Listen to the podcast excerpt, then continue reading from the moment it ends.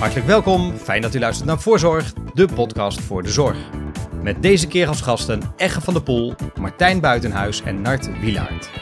Zij schreven het boek Geheelmeesters, waarin ze knelpunten in het Nederlandse zorglandschap ontleden en ideeën aandragen om de zorg beter te maken. Daarover vertellen ze in gesprek met hoofdredacteur Simon Broersma.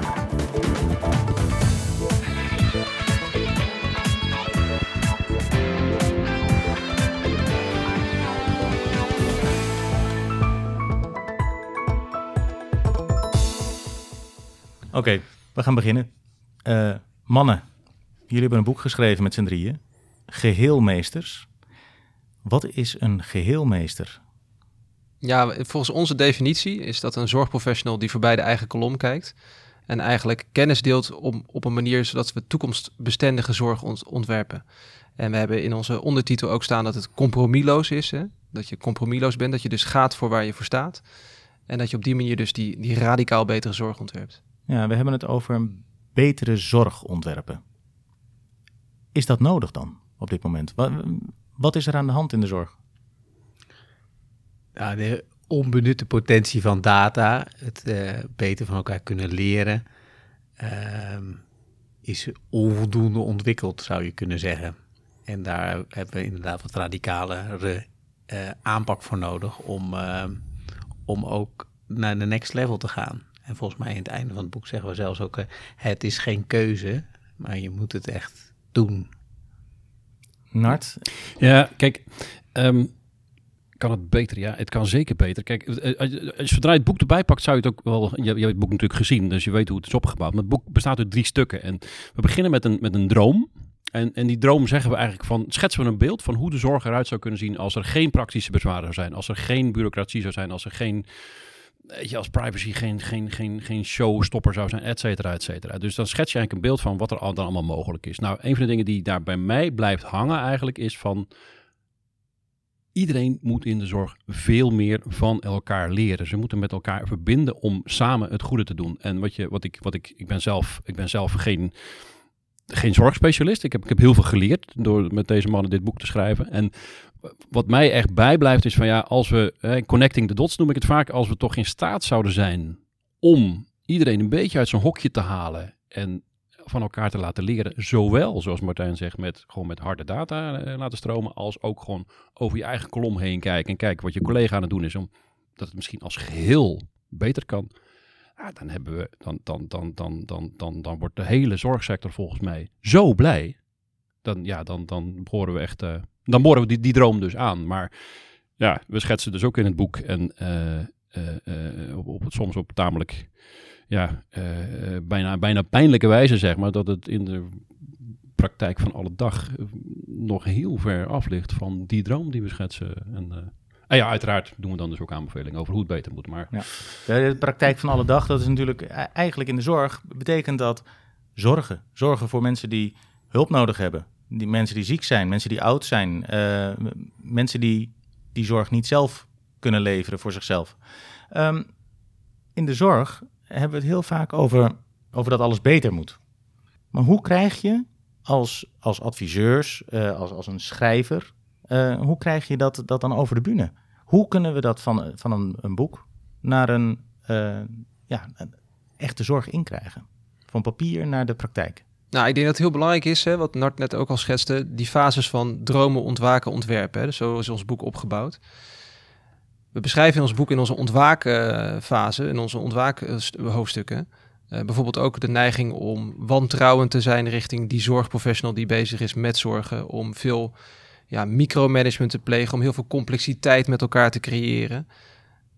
En wat er nodig is om dat te doorbreken, is dat we even teruggaan naar het droomstuk. Wat is nou onze droom van de zorg? De droom van een zorgprofessional of van een zorgverlener is niet om heel veel administratie te hebben, is niet om heel veel dode data maar te creëren, is ook niet om handen tekort te komen aan het bed. Die droom is dat we zoveel mogelijk mensen zo goed mogelijk kunnen helpen om zo weerbaar mogelijk in het leven te staan. Zorg is daar een onderdeel van. En natuurlijk is het nog veel breder dan zorg. Want alle mensen buiten de zorg die ik al wat over dit boek heb laten lezen, die zeggen allemaal: het gaat niet alleen over de zorg. Maar het, het, het vertrouwen op het inzicht van de professional en die dan ook de middelen geven en, en de ruimte geven om naar eigen inzicht te bedenken, wat is hier nu voor deze uitdaging de beste oplossing? Dat is de uitdaging waar we voor staan. En dus ja, hoe krijg je die mensen daarin mee? Ja, dit toekomstperspectief, vanuit die droom voor dat individu de ruimte scheppen, daar krijgen we mensen wel in mee. Ja, maar de achtergrond van jouw vraag, denk ik, Simon, is ook een beetje van ja, maar er zijn al, ik zeg het maar even plat, er zijn al zoveel boeken geschreven eigenlijk over dat het beter moet met de zorg. En er zijn al zoveel adviseurs die dit misschien roepen. Misschien, misschien zit dat er een beetje achter, hè? Heel goed, Kijk, heel goed. eh, kijk ehm, ehm, eh, wat iedereen, denk ik, wat iedereen die actief is in de zorg wel herkent, is dat er een soort van bureaucratie ontstaat en een soort van enorme analyse van de proble- problemen die er zijn en, en, en hoe we dat dan zouden kunnen doen. En dat we eigenlijk nooit echt een ferme stap vooruit zetten. En dat, dat, dat komt omdat, of tenminste, een van, een van de dingen die daar speelt, is dat we, eh, als, we dan, als we dan een probleem signaleren, dan gaan we proberen om daar een oplossing voor te bedenken. Maar die oplossing is bijna altijd een compromis. En een compromis is het slechtste wat je kunt doen om echt een transitie in te gaan, om echt iets nieuws te gaan doen. Een compromis betekent namelijk dat je eigenlijk bepaalde dingen in stand houdt en ja, dat dan maar zo laat en dan tegelijkertijd probeert iets nieuws erbij te gaan doen in de hoop dat het dan beter wordt. Maar als je radicaal iets wil veranderen, is een compromis is dodelijk. Dus ik denk dat dat een van, de, een van de kerndingen is die we in het boek proberen naar boven te brengen. Van ja, we moeten af van die compromissen. We, we moeten echt af naar een aantal heel duidelijke uitgangspunten om die zorg daadwerkelijk uit die eeuwige analyse en bureaucratie te krijgen om echt tot vernieuwing te komen. Toch is Nederland echt een land van compromissen. Gaat, dit wel lukken in, in Nederland? Nou Met zoveel belangen, zoveel verschillende verenigingen, wat allemaal geïnstitutionaliseerd is. We, kunnen denk ik niet anders. Hè? Dus eh, voor mij zei Nart het net ook. Hè? Dus, eh, we doen er door al die compromissen steeds iets bij. En dat is precies waardoor de zorg overloopt volloopt. Eh, nieuwe ideeën en nooit iets eraf. Dus wij denken ook dat je door met dingen te stoppen... een van de basisprincipes is waarbij je ruimte creëert voor echte vernieuwing. Dit is ook eh, wat er in het hoofdstuk over de kwaliteitsregistraties. Hè? Een team voor kwaliteit, maar de patiënt is overleden. Dat komt hier ook naar voren, dat we telkens meer willen doen. Simon, wat jij misschien niet weet is, maar dat Martijn heeft zelfs inmiddels een leuke gadget ontwikkeld. Namelijk, de, ja, je mag het zelf vertellen. Eh, Doe maar. Nou ja, we, we, we, zijn, we, we lopen over van eh, zelfhulpboeken natuurlijk, die eh, mensen helpen in to-do's lijstjes. En we hebben eigenlijk het idee opgevat om een not-to-do lijstje te maken. En eh, dat als geheelmeester begin je met not-to-do en dan maak je daarna ruimte voor eh, echte vernieuwing. Dus we moeten eerst stoppen met een aantal dingen waar we ja, al jarenlang, eh, die we al jarenlang doen, maar die we eigenlijk niet meer weten waarom we ze doen. Exact. Kan je daar een voorbeeld van geven? Ehm, nou, als je het hebt over, over kwaliteit, dan zijn we altijd geneigd om bijvoorbeeld eerst alleen maar te registreren. En dan kan je natuurlijk afvragen, wat is bijvoorbeeld echt kwaliteit? Ehm, dus ik zou zeggen, ehm, eh, zolang je niet gaat evalueren in kwaliteit, dus eh, evalueren met elkaar, wat is de beste aanpak of wat is de beste behandeling van iemand, ja, dan kan je kwaliteit wel registreren, maar dan registreer je eigenlijk het verleden. En je moet eigenlijk, ja, je kan maar net zo goed stoppen met een aantal van die kwaliteitsregistraties. Eh, maar vervolgens ga je introduceren dat je met elkaar over casussen spreekt en over ehm eh, missers eigenlijk in de zorg. En dat is een, een van de hoofdstukken, hebben we natuurlijk de, de paralleliteit met de luchtvaart, die Nart heel goed gevonden heeft, is natuurlijk waar in de, in de luchtvaart met name spreken over eh, wat er misging. En dat zeg maar als, als eh, casus doorakkeren en van elkaar kunnen leren, zodat het niet meer gebeurt. En ook van de jongst bedienden. Ja, dat is interessant. En, het, en wat, wat we natuurlijk ook zien, is dat de hiërarchie in de zorg is natuurlijk extreem. Hè? We hebben natuurlijk de oudgedienden, die hebben het nog steeds voor het zeggen. En juist data en beslisondersteuning, die zorgen er juist voor dat juist veel nieuwere, jongere professionals in de zorg eh, juist de weg naar, naar de vernieuwing eh, kunnen leiden. Ja, kwali- kwaliteit is volgens mij wel een mooi voorbeeld. Ja, ik heb het niet in mijn hoofd zitten. Waarschijnlijk echt weet dat allemaal veel beter, want die heeft altijd een waanzinnig geheugen. Maar ergens in het boek sommen we ook op hoeveel kwaliteitsindicatoren er eigenlijk wel niet zijn. En als je dat gaat lopen afpellen, ja, waar dat eigenlijk over gaat, dan, ja, dan meten we heel veel. Maar, maar het- geheel zegt eigenlijk heel weinig over de kwaliteit van de zorg. En dat is wat jij hiermee ook gewoon heel nadrukkelijk eh, laat zien eigenlijk. eh. dus We- in, die in die indicatoren kunnen we, We wel testen het geheugen van, eh, van Egger meteen even.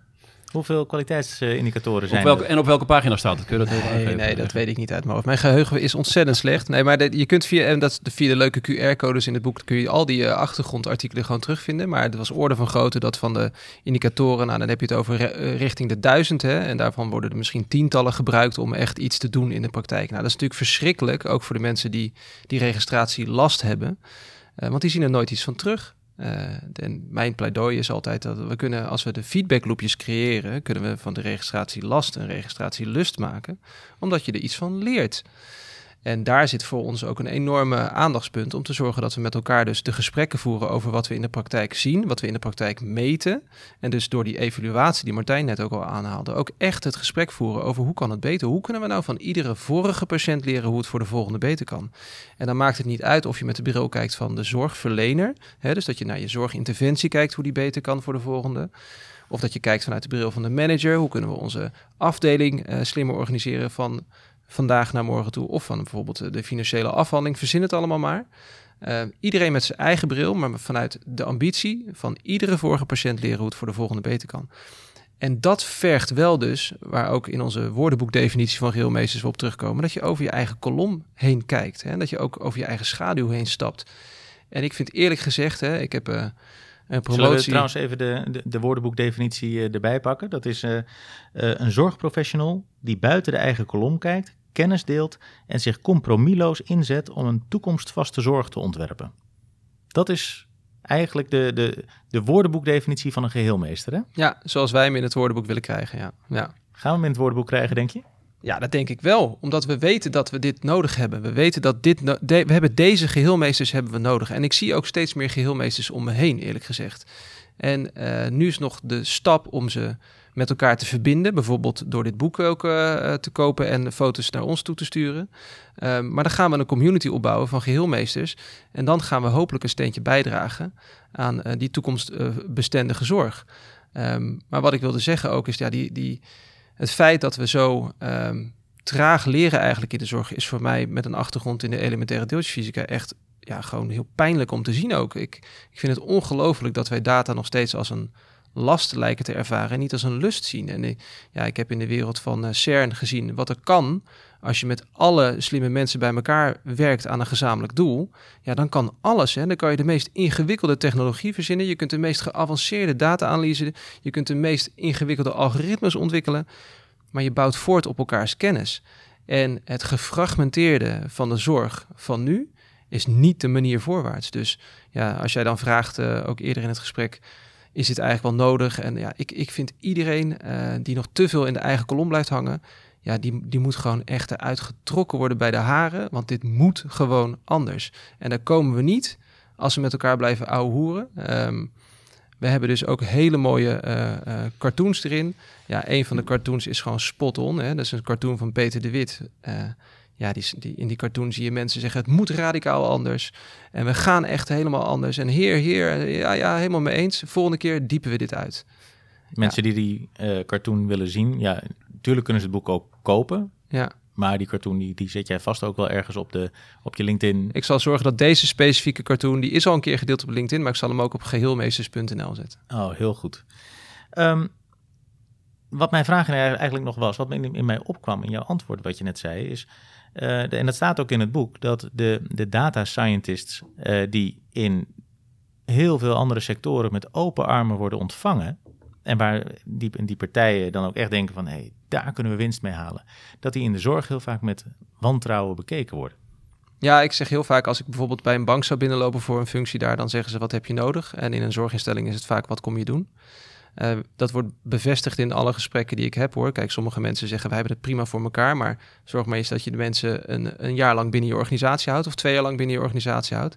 Vaak eh, is het al heel lastig om mensen met data-savvy talenten aan de zorg te binden, omdat in andere sectoren nou eenmaal de randvoorwaarden beter zijn, maar ook soms het salaris, maar dat is vaak niet de, bottleneck.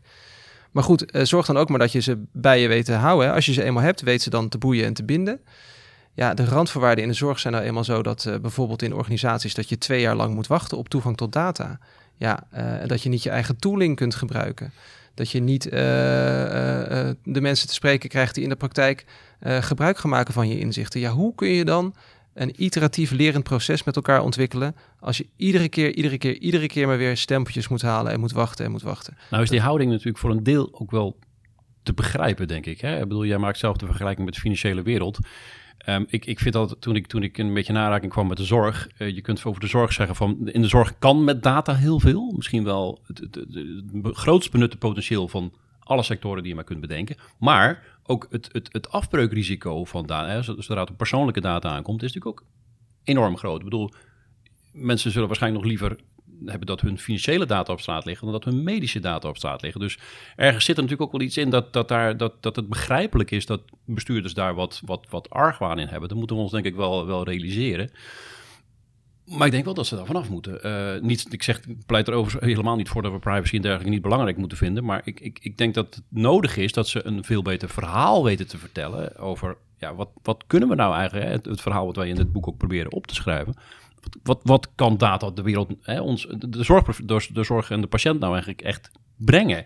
En vanuit dat verhaal dan gaan analyseren van oké, en hoe gaan we dat dan invullen? En nou, niet, niet direct juist, met de hak in het zand. En die hak in het zand, die, die reflex, daar moeten we vanaf denken. Ja, en, en juist die andere sectoren, zoals de financiële sector, die hebben al aangetoond dat ook met inachtneming van de privacy, dat er heel veel mogelijk is. Hè? Ja. Ja, en benaderen dat op een totaal andere manier. En dan gaan we misschien een beetje, een beetje, een beetje te diep, maar uh, PSD 2, voor de mensen die, dat, die, dat, die, dat, um, uh, die daar iets meer van weten, dat, dat is natuurlijk eigenlijk een, een, een, richtlijn die we met z'n allen hebben afgesproken over hoe je data met elkaar, uh, hoe, hoe, je dat, hoe je dat kunt gaan gebruiken iets dergelijks hebben we in de zorg. Naar mijn beste weten niet in ieder geval. Het is natuurlijk op heel veel eilandjes wordt dit ontwikkeld. De fijn Martijn zit wel te lachen als hij dit ziet. Want als hij dit hoort, want die, die, die weet hier ook alles, alles van. En heeft er ook wel zijn, zijn ervaringen mee opgedaan, denk ik. Maar eilandjes in de zorg is wel een, uh, ja, wel een dingetje. Dat is misschien dan uh, leuk. Martijn, als jij daarop hier even op doorgaat.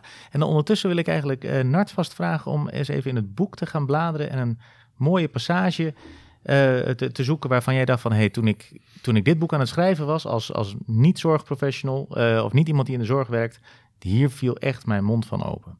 Maar eerst even de eilandjescultuur nou ja, in de zorg. De, uh, we, we, hebben een cultuur waarbij we in de afgelopen twintig jaar... natuurlijk heel veel aan standaarden in de zorg hebben gewerkt... en die hebben best wel eens een rendement gehad. Maar de, de kern van het verhaal is dat we niet uit zijn op het delen van data...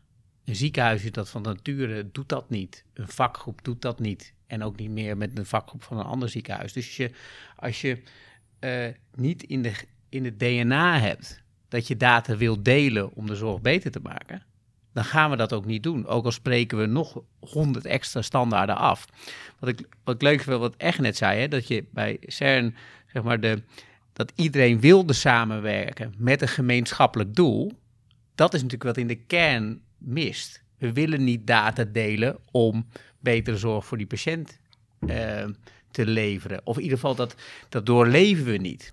En ik herken dat wel eens in projecten waar ik wel eens tegen een opdrachtgever, gezegd, opdrachtgever heb gezegd... ik speel hier een spelletje van 1 tegen 100. Wie wil het nog? Hè? Dus wil jij het nog als opdrachtgever, maar voor de rest heb ik in jouw organisatie heb ik alleen maar het gevoel dat ik 1 tegen 100 speel. En dat is natuurlijk voor een data scientist die vernieuwing wil brengen, dat ook. Want die, je speelt dan het 1 tegen 100 spel. En dat zou niet moeten. We moeten de kennis bundelen. Dus er zijn knappe eigenlijk met die de 100 uh, en jezelf met 101 samen Juist. alle vragen beantwoorden. Dus als we samen de kennis bundelen, is de potentie van de zorg oneindig. Er werken echt heel veel slimme mensen in de zorg. We zien ook dat het in tijden van crisis heel goed gaat. Hè. Dus het gaat op het domein van COVID heel goed. Vergeten soms even de rest. Maar uh, als er een crisis is, dan zijn we goed in staat om, om goed snel te handelen. Maar het gaat natuurlijk om de stap ervoor. Want als we bij data heel goed hadden kunnen delen, dan hadden we ook bij COVID veel eerder de verbanden kunnen zien. Uh, en nu komt het omdat een arts kijkt, oh, er liggen hele dikke patiënten op die CO, zou het verband zijn met obesitas. Maar dat is voor mensen die met data bezig zijn echt bizar om voor te stellen. Want dat had je echt een dag later kunnen weten als je de data over al die IC's gewoon real-time zou kunnen delen. Ja, en dat is een, een dag in plaats van drie maanden. Exact. En dan ook nog, eh, en, en die, die verbanden, die er, uh, de nieuwe manier om met data om te gaan, daar kan echt beter iets meer over vertellen. Maar we zijn zo gewend om uh, met trials en, en, en de oudere manier van onderzoeken in de zorg uh, eh, vernieuwing te brengen. En we zijn nog niet in staat om zeg maar, de kennis en kunde van eh, de, de, de, de datamensen, zullen we maar zeggen, om die in ons dagelijks werk eh, eh, eh, voor ons te laten werken. Ja, en zonder, zonder daar in detail op in te gaan, nog heel even kort over die standaardisatie. Kijk, volgens mij is inderdaad heel veel eh, energie gestoken in zeg maar de hoe en de wat daarvan. Hè? Maar de why vergeten we soms. Hè? We willen interoperabiliteit. We willen dat data en applicaties niet aan elkaar vastzitten. We zitten nu vaak vast aan een bepaalde leverancier. Uh, die onderliggende data vinden we interessant om te combineren met een andere bron. Maar dat kan niet, want die leverancier zegt het is moeilijk. En uh, nou ja, volgens afspraken en betaal maar extra. Nou, dat noemen ze dus de vendor lock-in. Nou, dat soort mechanismes hebben we gewoon in de zorg. Daar kun je, als je durft, als bestuurder paal en perk kan stellen. Als wetgever kun je daar paal en perk aan stellen. Dat moet dus gebeuren wat mij betreft. Dat is één voorbeeld. Nou, dat is uh, juist in de Kamer als wetgever, uh, natuurlijk een jaar of tien geleden met het, uh, het EPD. is dat ja, juist afge ja. afgeschoten? Nou, en wat Nart net, net ook al zei, we hebben nog niet de juiste verhalen om te vertellen over wat er allemaal kan met data. We blijven dus hangen in het feit dat data een soort IT-ding is. En ons pleidooi is data is een idee-ding. Als je data slimmer gaat gebruiken, dan ga je sneller ideeën kunnen formuleren, maar ook sneller ideeën kunnen toetsen. Dan ga je daarmee dus je leervermogen vergroten en versnellen. Dus zolang we data nog als instrument zien, uh, of zolang we data blijven zien als echt een IT-ding, dan blijven we hangen in dus de hoe en de wat van IT-standaarden en hoe je moet uitwisselen, hoe die systemen en ga eens maar door. Terwijl we de onderliggende problematiek van eigenaarschap op informatie gewoon niet aanpakken. Nou, en ik denk dat daar dus ontzettend veel moet gebeuren. Nou, denk, ik denk dat dat genoeg is uh, op dit onderdeel voor nu. Uh, ik heb net uh, Nart een opdracht gegeven. Nart, ja, uh, en ik, ik, heb je wat gevonden? Ja, nou, ik, zat even, ik zat het even door mijn hoofd heen te halen. En ik had, eerst had ik de neiging om te vertellen over Londense taxichauffeurs. Toen over de Mona Lisa en toen over de Space Shuttle. Maar dat ga ik allemaal niet doen. Maar dit zijn wel onderwerpen die allemaal in het boek terugkomen. Maar de, misschien trigger ik de lezer om wat dat betreft het boek te kopen. Want er zitten wat, soms wat, wat uitstapjes in die inspirerend zijn. Maar ik kies juist iets wat echt over de zorg gaat. En wat volgens mij één van de kernproblemen is. Er is bepaald geen gebrek aan goede wil om de patiënt centraal te stellen en alle benodigde disciplines daartoe soepel te laten samenwerken. Veel zorgprofessionals willen niets liever dan dat en hebben een geweldige persoonlijke gedrevenheid om zich volledig als één team voor de patiënt in te zetten. De zorg heeft echter te kampen met een weeffout van je welste in de manier van organiseren. Alle goedwillende professionals hebben immers ook te maken met de manier waarop hun werk wordt gefinancierd. En die financiering prikkelt een dergelijke samenwerking niet. Integendeel, de financiering prikkelt professionals juist om hun eigen silo zo goed mogelijk te organiseren, zonder primair vanuit het centrale doel te redeneren. Een concreet voorbeeld? Een patiënt met borstkanker heeft te maken met verschillende specialisten, zoals een chirurg, een radioloog, een internist en een physician assistant. De patiënt is er uiteraard bij gebaat dat het team naadloos de juiste diagnose stelt en de beste behandeling uitvoert. De huidige beloningsstructuur prikkelt echter de individuele specialismen om vooral een efficiënte fabriek te bouwen voor hun deel van de behandeling en juist niet om de verbinding te zoeken. Het effect is dan ook dat afdelingen van zorgaanbieders zich gaan gedragen naar budgetsystemen in plaats van naar patiëntbelang. Toen je dit opschreef, wat dacht jij toen? Toen je dit hoorde van. Waar was, je, waar was je toen, toen, je dit opschreef? Ja. Um, nou ja, kijk, in bredere zin, um, uh, Simon. Um, wat voor mij heel erg leuk is, als ik bedoel, ik ben, je, je, kent mij inmiddels een beetje en je weet ook dat ik niet super gespecialiseerd ben in de zorg. Maar wat mijn vak zo leuk maakt, is dat ik voortdurend vraagtekens mag stellen eigenlijk. Hè. Dat is wat ik, wat ik elke dag doe. Ik praat met deze man en we hebben ook een aantal interviews met, met, met, met, met gerenommeerde mensen uit de zorg gedaan om te ontrafelen hoe die zorg in elkaar steekt. Ja, voor mij is dat gewoon, ja, dat, dat, is, dat is elke dag een feestje om te mogen doen, zeg maar. Ik, ik mag elke dag als een soort van um, ja, down the rabbit hole om een wereld te begrijpen die ik, die ik eigenlijk niet begrijp.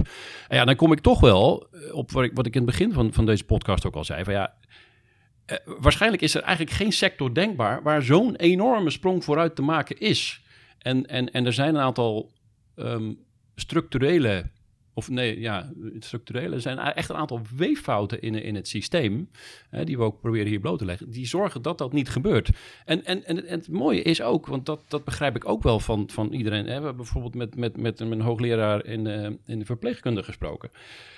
De bevlogenheid, die spettert er werkelijk vanaf. Dus dan denk ik van ja, maar als we die bevlogenheid, als we dat op de juiste manier weten te voeden, eh, eh, dan, dan, dan hebben we volgens mij goud in handen. Eh, maar dat, ja, dat is volgens mij, maar dan zit ik naar de mannen tegenover me ook te kijken. Dat is volgens mij de afgelopen tientallen jaren ook met regelmaat geprobeerd. En het loopt toch steeds eigenlijk weer vast. En dan kom ik weer terug op dat compromis. Omdat we iedereen een beetje tevreden willen houden. En ja, dan maak je hooguit kleine stapjes. Hè. We moeten ook niet net doen alsof er niks gebeurt in de zorg. Want er, gebeurt, er gebeuren heel veel goede dingen. Hebben ook tal van voorbeelden hierin opgenomen. Maar de echt grote sprong waar, waar we, die we ook echt gewoon nodig hebben. Als we, eh, toen wij begonnen ook, ook met dit boek, eh, even, even wat cijfers in kaart brengen over waar de zorg qua personeelstekorten en, en kosten en dergelijke op, op afvaart.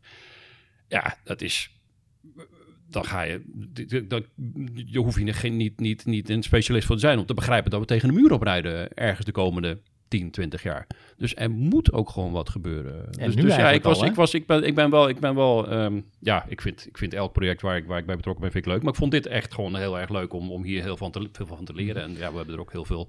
Maar, maar misschien hè, we, we komen Ja. natuurlijk van het ongeveer twee decennia lang aan efficiëntie denken. hè. Dus we hebben geprobeerd het steeds hè, een nieuwe financieringssystematiek efficiënt te maken. En we hebben wel wat slagen gedaan, maar die zijn niet goed genoeg om nog weer twee decennia zo door te gaan. Hè. Dus de, ehm, we hebben echt een andere eh, visie of route nodig die doorleefd moet worden door elke bestuurder of zorgprofessional. En daarom zeggen wij ook met meer bravoer aan het roer. eh, ja, trekken we die berg over en eh, ontdekken we al het nieuws. Nou is natuurlijk efficiëntie aan zich is, is, is goed, hè? Uiteraard. We, zaten, we kwamen uit een, een situatie met wachtlijsten, ellenlange wachtlijsten. Dat nieuwe, eh, of het huidige stelsel, dat heeft ook heel veel eh, ja, goeds. Ja, ik ben de laatste die iets heel negatiefs zegt over zeg maar, de, de, de aanpak van de, van de afgelopen periode. In de zin van dat het dat heeft inderdaad veel gebracht. Maar we hebben wel nieuw perspectief nodig om juist het, wat wij steeds aanhalen, is het onbenut potentieel. eh, waarbij de patiënt echt iets aan heeft. Hè, dus in het netwerk werken. Hè, dus de, de, de silo's of de over je eigen eh, kolom heen kijken, betekent natuurlijk ook echt in het netwerk werken. Hè? Dus de, de regio, de patiënt zit niet alleen in dat ziekenhuis. Die, het begint thuis en het eindigt thuis als het goed is. Als, eh, als je, en dan hopelijk weer gezond. Ehm, dus het, het in het netwerk werken is een van de belangrijke thema's of eh, punten in het einde van het boek ook. Ehm, omdat daar echt nog heel veel onbenut potentieel zit. En hoe gaan we die, eh, dat onbenutte potentieel eh, benutten? Nou, volgens mij was in, las ik echt in 2005 al een boek dat ging over ontschotten van de zorg. Dat is ons toch steeds niet gelukt. Omdat je, je ziet dan, en zelfs in hele mooie projecten, hè, de, eh de Gooi doet dat met de zorg dichterbij. Ehm, waar overigens vandaag nog de minister een, een, zijn vernieuwingsagenda eigenlijk baseert op dit soort goede initiatieven. Eh, dus dat is mooi om te zien. Maar daar zit altijd financiering en samenwerking natuurlijk altijd elkaar een beetje in de, in de weg. Hè? Dus daarom is het goed dat je dat net eh, ook het punt over die financiering weer aanhaalt. Eh, want dan vinden we toch moeilijk om bijvoorbeeld te zeggen: oké, dit jij bent de beste om dit stukje zorg te doen, dus dan doe jij dat. En dan volgt zeg maar de financiering of, of de manier, de plek van waar je iets doet, volgt dan automatisch. En natuurlijk hebben we in de afgelopen twee jaar heeft zeg maar het, het thuiswerken, het videobellen, het eh, met teams eh, onderling samenwerken, maar ook met de patiënt. eh videobellen heeft een vlucht genomen die we natuurlijk nooit hadden gedacht. Maar daar moeten we wel op door. Want we moeten nog meer bedenken van iemand die niet in een ziekenhuis hoeft te komen. Die hoeft daar ook dus niet naartoe. En juist al die zorg die niet geleverd is, die had misschien ook op een andere plek geleverd kunnen worden als we dat al eerder hadden georganiseerd. Neem bijvoorbeeld een afdeling als KNO. Die is eh, in de jaren negentig volgens mij als laatste in het ziekenhuis beland. Maar zouden nu ook als eerste weer voor 80% uit kunnen gaan. Omdat je die zorg eh, gewoon dichter bij die patiënt kan organiseren. In super gespecialiseerde eh, eenheden bijvoorbeeld. En dan kan die kwaliteit en aandacht voor één zo'n vak... kan de kwaliteit omhoog, omdat je dan veel meer aandacht hebt op zo'n deelgebied. Dat, eh, het verband wat we daarmee steeds leggen, is dat een ziekenhuis doet alles. En daardoor alles ook iets niet excellent. Mo- mo- mooi dat je dat zegt over het gooi. Zorg dichtbij. Dat triggerde bij mij iets. En natuurlijk is dat zorg dichtbij. Hè? Als, je, als je zorgtaken naar, naar, naar, naar het, het huis van een patiënt of de omgeving van een patiënt. Dat is prachtig. Zorg dichtbij. En toch zijn er tal van adviesrapporten, tal van ziekenhuizen, tal van instellingen die dit zorg op afstand noemen. En dat, dat klinkt onbeduidend, hè? Maar, maar denk, denk even na. Hè? Je gaat dus een, een, nieuw, een, nieuw, een, nieuw, eh, een nieuwe technologie of een nieuw concept inzetten. En je noemt het zorg op afstand. Ja, dat Wat- klinkt wat, als wat, wat, zorg zou, ver een- weg. wat zou een patiënt dan vinden? Die vindt Ja. dat, dat klinkt niet leuk, zorg op afstand. We gaan namelijk op afstand van je staan. Terwijl de realiteit is natuurlijk niet zorg op afstand. Het is namelijk, het komt dichter bij die patiënt.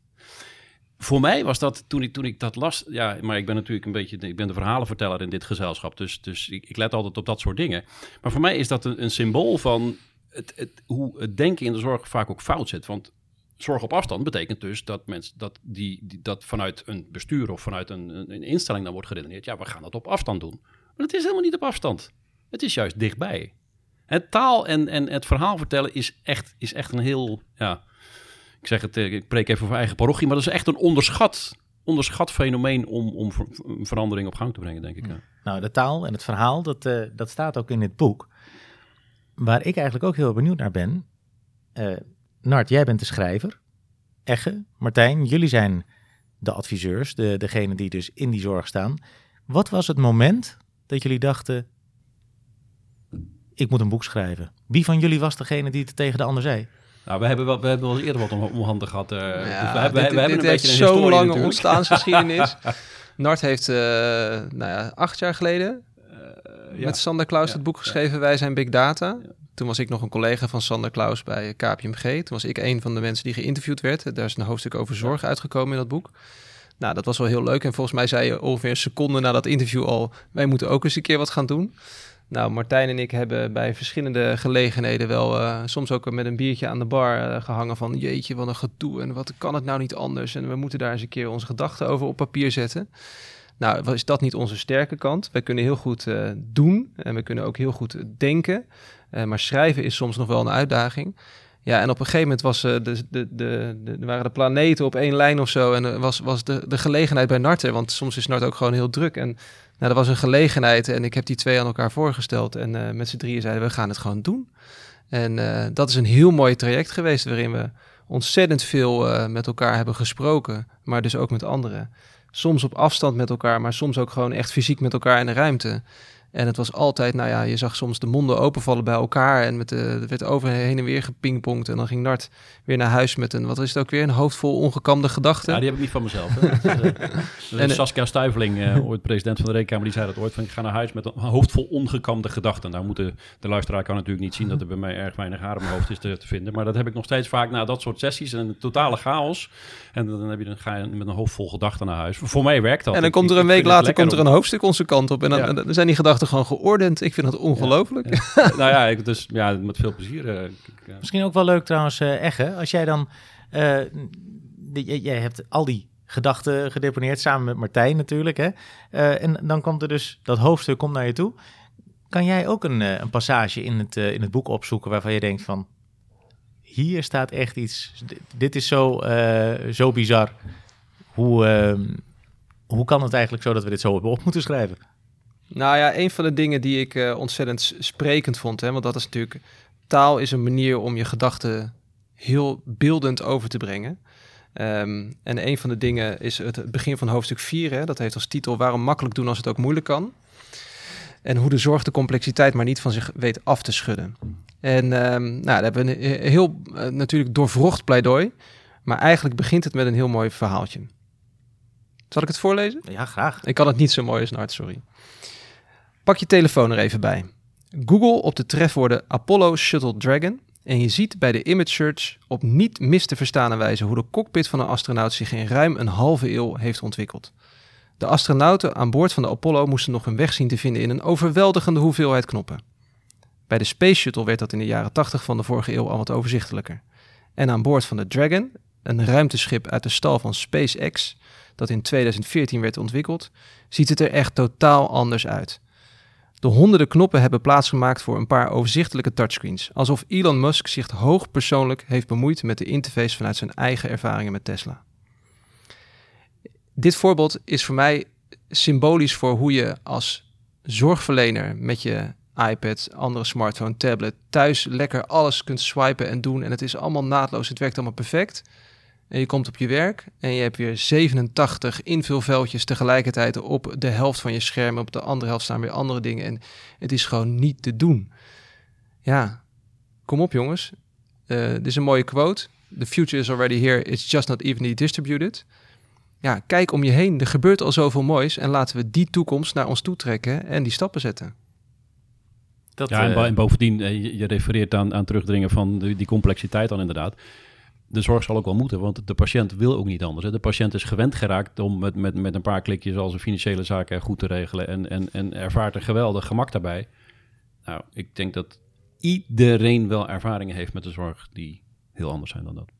We zien de, de, de, de techreuzen, hè? Die, de, de, de Apples, de Googles, de Facebooks eh, van deze wereld, zien we in de zorg vaak als een gevaar. We kunnen er eigenlijk ook heel veel van leren. We kunnen eigenlijk van heel veel dingen heel veel leren. En uh, als we die mindset maar hebben, echt, uh, we weten dingen nog niet en we kunnen dingen nog beter.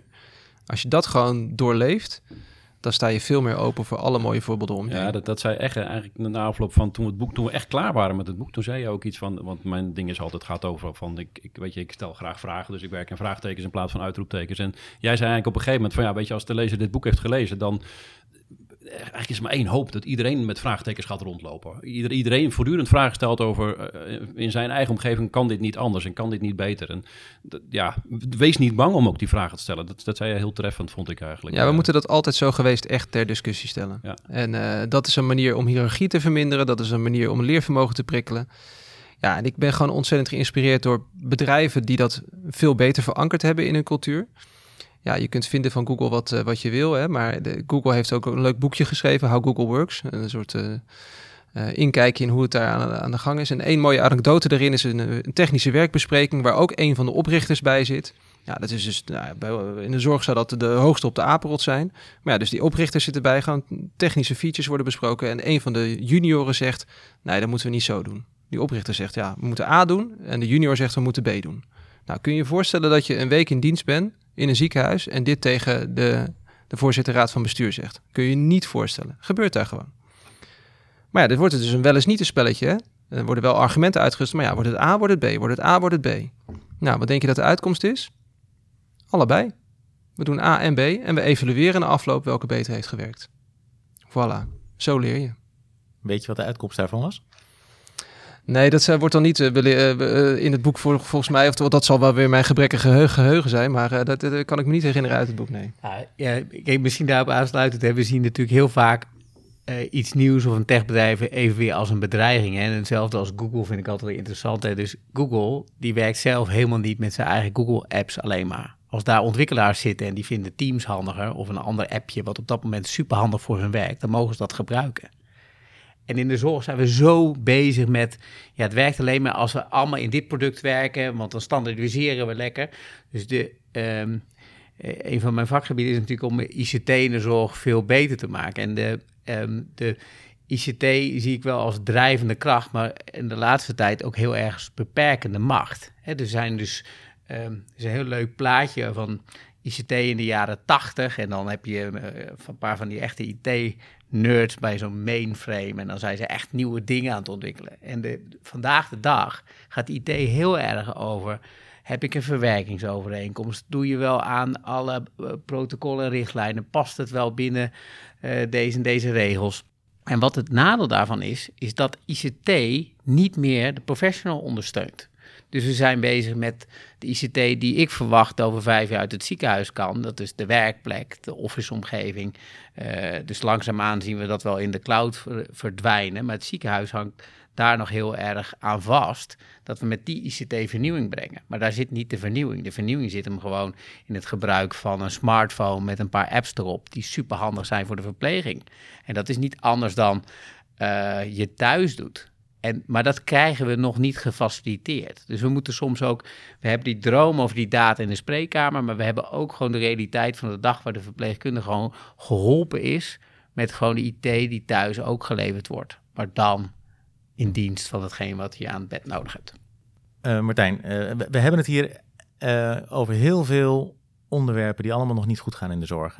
En toch eh, is het boek wat ik heb gelezen, ehm, het is geen negatief boek. Want jullie geven ook ja, mogelijkheden hoe het wel kan. Jullie geven ook die, die, die ontwerpprincipes, het ontwerpgedeelte in het, eh, in het laatste deel van het boek geven jullie mee. Hè? Ja. Ehm, kan je ook op dit vlak dan een, eh, een voorbeeld geven van hoe we het wel zouden kunnen organiseren? Nou, wij zijn heel, eh, ik denk alle drie erg positief, po- positieve mensen. Dus we denken dat er eigenlijk niet echt heel veel voor nodig is om met elkaar deze route te lopen. Dus echt te vernieuwen en geheelmeesters te zijn of te worden, of nog betere geheelmeesters te worden. En het begint, zoals we eerder zeiden, al om dingen niet te doen. Maar vervolgens geven wij een aantal principes aan waarom je denkt van nou, wat is nou belangrijker dan wat? Dus in mijn overtuiging is bijvoorbeeld de professional is belang, nog belangrijker dan de patiënt. Om als wij de professional kunnen eh outilleren, eh, de verpleegkundige gewoon met een smartphone, met de apps op die ze nodig heeft, hij of zij nodig heeft, om hun werk goed te doen. eh, en informatie te hebben over waar is de infuuspomp, kan ik even snel iets registreren in het EPD, oh welke collega's werken er eigenlijk vandaag. Gewoon simpele dingen, maar die je in oogopslag kan weten. Dat is geen rocket science. En die professional is ook die superspecialist die zeg maar de data kan vergelijken tussen Amerika, Nederland en eh, Zweden over heel specifieke patiënten. Dus we die data ook nog kunnen delen en dat terug kunnen geven aan die specialist om zijn of haar overweging in de diagnose van de patiënt nog beter te maken. Ja, dan maken we echt eh eh, reuzenstappen. Ja, en je zei ook eerder ook al, Martijn, over dat in crisistijd kan er heel veel. Hè? Dus een van de voorbeelden die we als onze hashtag het kan wel kadertjes in het boek hebben verstopt, is het voorbeeld van de IC-data, ICU-data heet het dan, eh, .nl. Dat is een initiatief om vanuit alle IC's in Nederland data te delen om sneller te leren. Dat is voortgekomen, dat initiatief, uit de COVID-ervaring. De COVID-ervaring was nieuw ziektebeeld, presenteert zich op de IC, niemand weet wat we kunnen verwachten. Niemand weet het, dus er is niet een protocol, een richtlijn. We moeten nu zo snel mogelijk de krachten bundelen om sneller te leren. Nou, vanuit die samenwerking op het ziektebeeld COVID is nu de ambitie dus geformuleerd om dat ook voor andere ziektebeelden te doen. Nou, de, het feit dat dat zo snel toen kon voor COVID, ja, dat toont aan dat het helemaal geen IT-problematiek was. Die, want die IT, die was er. Alle eh, eh, technische shit was eigenlijk al verzonnen. Eh, het was een kwestie van, ga het nou toepassen? Ga het nou doen? En daarvoor moet je dus dat gezamenlijke doel helder hebben. COVID maakte dat gezamenlijke doel voor die instantie ontzettend duidelijk. Nu is de ambitie vanuit de IC's, dus vanuit de Nederlandse Vereniging van Intensive Care, uitgesproken van we willen dit voor andere ziektebeelden ook. Ja, dat vinden wij een prachtig voorbeeld van dat gezamenlijke doel, de techniek dienend aan de vraagstellingen vanuit de praktijk en gaan. Dus niet de oude manier van, van doen, eh, vanuit de wetenschap Welke standaard zouden we nodig hebben om dit allemaal te kunnen uitwisselen? Want dan kunnen we daar misschien over twee jaar een congres over houden. Dan kunnen we daar een klap op geven, maar dat doen we dan toch niet. Want dan gaan we over een jaar toch nog een andere congres houden. Want het, het is toch allemaal ingewikkelder en alle belangen. Nou, dat, dat hele riedeltje, nee, we gaan het gewoon doen. Klinkt heerlijk. Dat is het ook. En daarom is het ook een mooie enabler voor alle mensen in de zorg. Hè? Dus het is.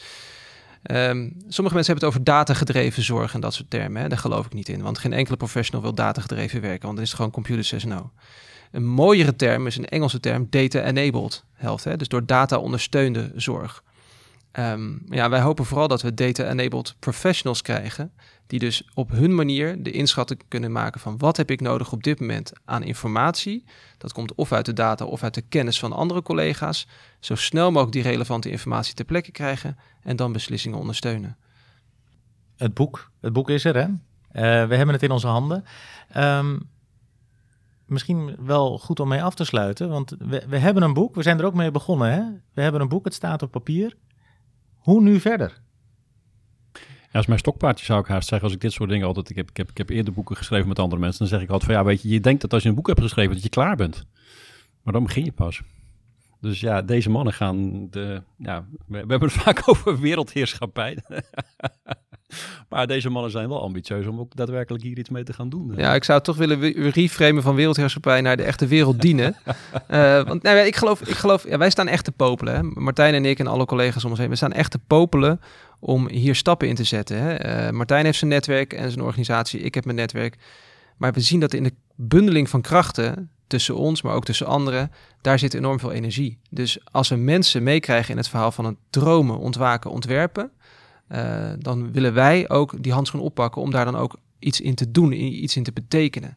Dat is van zowel operationeel tot een tactisch en strategisch niveau. Want alleen als we samen onze schouders eronder zetten, dan kunnen we die enorme uitdagingen van de zorg aan. Heb je er wat aan toe te voegen, Martijn? Uiteraard niet. Uiteraard niet. Eh, wat ik eraan toe te voegen heb is eh, eh, dat dit een, een hele mooie start is. Eh, geheelmeesters, het is een mooi boek. Het is een leuk boek ook. Ook al klinkt het alsof er heel veel niet goed is. Er gaat ook heel veel wel goed in de zorg. Ehm, ik heb het met veel plezier gelezen en, eh, en ik ben heel benieuwd naar jullie volgende stappen. Hartelijk dank, eh, mannen. Dankjewel. Graag gedaan, leuk. Dankjewel. Ja. Tot zover deze aflevering. De montage was in handen van Ties Timmers, de muziek is verzorgd door Bram Brouwers. Wilt u meer nieuws en achtergronden over de zorg? Luister dan eens naar onze andere afleveringen of kijk op skipper.nl, zorgvisie.nl of crux.com. Voor nu, hartelijk dank voor het luisteren en heel graag tot de volgende voorzorg.